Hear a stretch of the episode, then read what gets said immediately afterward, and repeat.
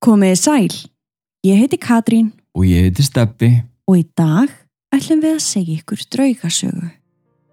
Ef þið fylgir draugasögum á samfélagsmeilum nú eða mér eða steppa persónulega þá hafið þið eflust séð að við vorum að gifta okkur núna 16. júni og akkurat í þessum töluðu orðum þegar að þið eru að hlusta annan þátt þá eru við stödd á Tenerife með börnum, foreldrum og vinum. Við þökkum fyrir alla kveðjurnar síðislinum daga. Við vorum búin að halda þessu útaf fyrir okkur svo þetta kom eflust mörgum á óvart en núna erum við formlega orðin hjón og við gætum ekki verið hamingjusamari.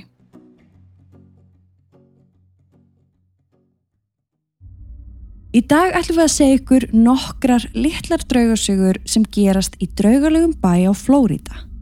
Þetta er samt ekki bara einhver bær, heldur ég að þetta talin vera elsti bærin í öllum bandaríkjanum og ber hann þennan einstaka spænska blæ.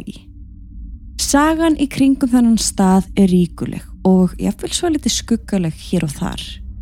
Hugmyndin er að ferðast á milli áfangastada innan bæjarins og segja ykkur draugasögurnar sem þar hafa ráði ríkjum ár eftir ár.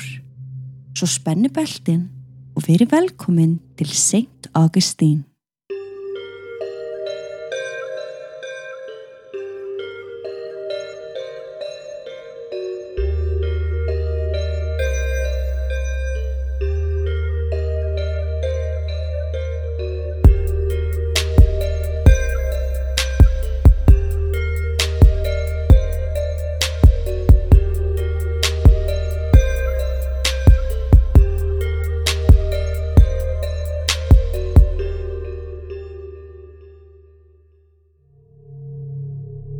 Við viljum minna á að draugasögurnar okkar eru ekki við hæfi barna yngri en 13 ára nema með leifi fullorna. Og með því hefjum við sögu dagsins.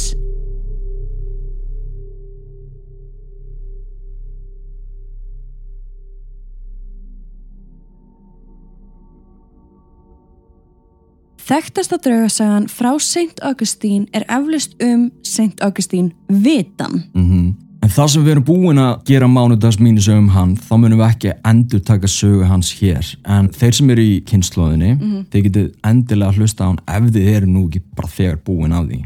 En hann spilar alveg stórt hlutverk inn í þessa sögu líka og, og þetta tengist svona allt. Algjörlega, það verða allir að þekka söguna um St. Augustine Vitan af því að það er það sem allir hugsa um þegar þeir hugsa um hennan bæ. Akkurat. En það eru svona fleiri staðir sem eru þekktur fyrir reymleika og sá fyrsti sem við ætlum að segja ykkur frá er Gistihúsið Casablanca. Þetta tveggja hæða gistihús í miðjarðarhafs stíl var byggt árið 1914. Þetta var mjög fljótlega vinsæll staður til þess að vera á og bærin var stoltur að geta bóðið upp á svona fína gistingu og dýrindis mat. Vegna vinsælda þá var oft erfitt að bóka herbergi og þurfti fólk að gera það langt fram í tíman. Og það eru myndir sem fylgja þessum þætti, getur þú aðeins útskýrstepi hvað þú sér þegar þú horfir á þetta hús? Sko, þetta er náttúrulega svolítið flórítalegt. Þú sérð sjóin og glitta smó í strendur þarna. En húsið sjálft stendur við svona boulevard eins og það heitir. Ég veit ekki alveg hva, hvort það heitir strandlengja kannski á íslensku.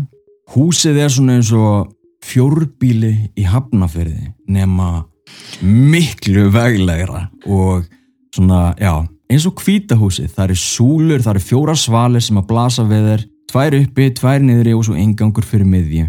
Og svo eru fánar aðna, maður sé bandarska fánan, breska fánan. Þetta er svona, Greinlega allir velkomnir. þetta er flott. Já, mjög. Nafn gistihúsins breyttist aðeins á milli ára en endaði svo að því að bera nafnið Casablanca inn. Áfengisbannið reið svo yfir árið 1919 en eins og á fleiri stöðum þá flætti vínið inn á staðin en að sjálfsögðu bara í laumi. Það var innflutt frá Kúbu og smiglað inn í landið. Mennirnir sem voru í þessari starfsemi voru kallaðir smiglarar og þetta var alls ekkert auðvelt starf. Sagan segir frá ekkju sem starfaði á gistiheimilinu. Hún á að hafa verið í ástarsambandi við eitt smiglaran og það óhefnilega var að margir af gestumennar á gistihúsinu voru lögreglumenn eða jafnvel starfsmenn FBI. Nei, En hún ákvað að notfæra sér þessi sambönd til þess að aðstóða ástmann sinn. Þegar engin lögregla var á svæðinu á hún að hafa farið á efstu hæð húsins og veifaði ljósi út um gluggan. Það var merki fyrir smiklarana að leiðin var í greið og að þeir gæti komið áfenginu í land. sniðugt. Þessi samvinna var til þess að smiklararnir réðu sig algjörlega á konuna góðu og fekk hún að sjálfsögðu vel greitt fyrir starfsitt. Hún var næstum því gómuð í eitt skiptið og var hún yfirheyrð af lögreglunni.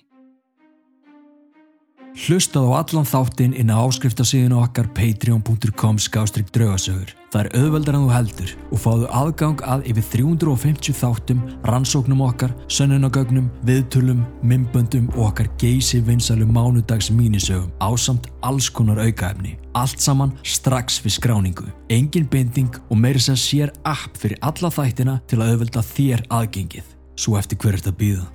Vilt ekki vita hvernig sagan endar?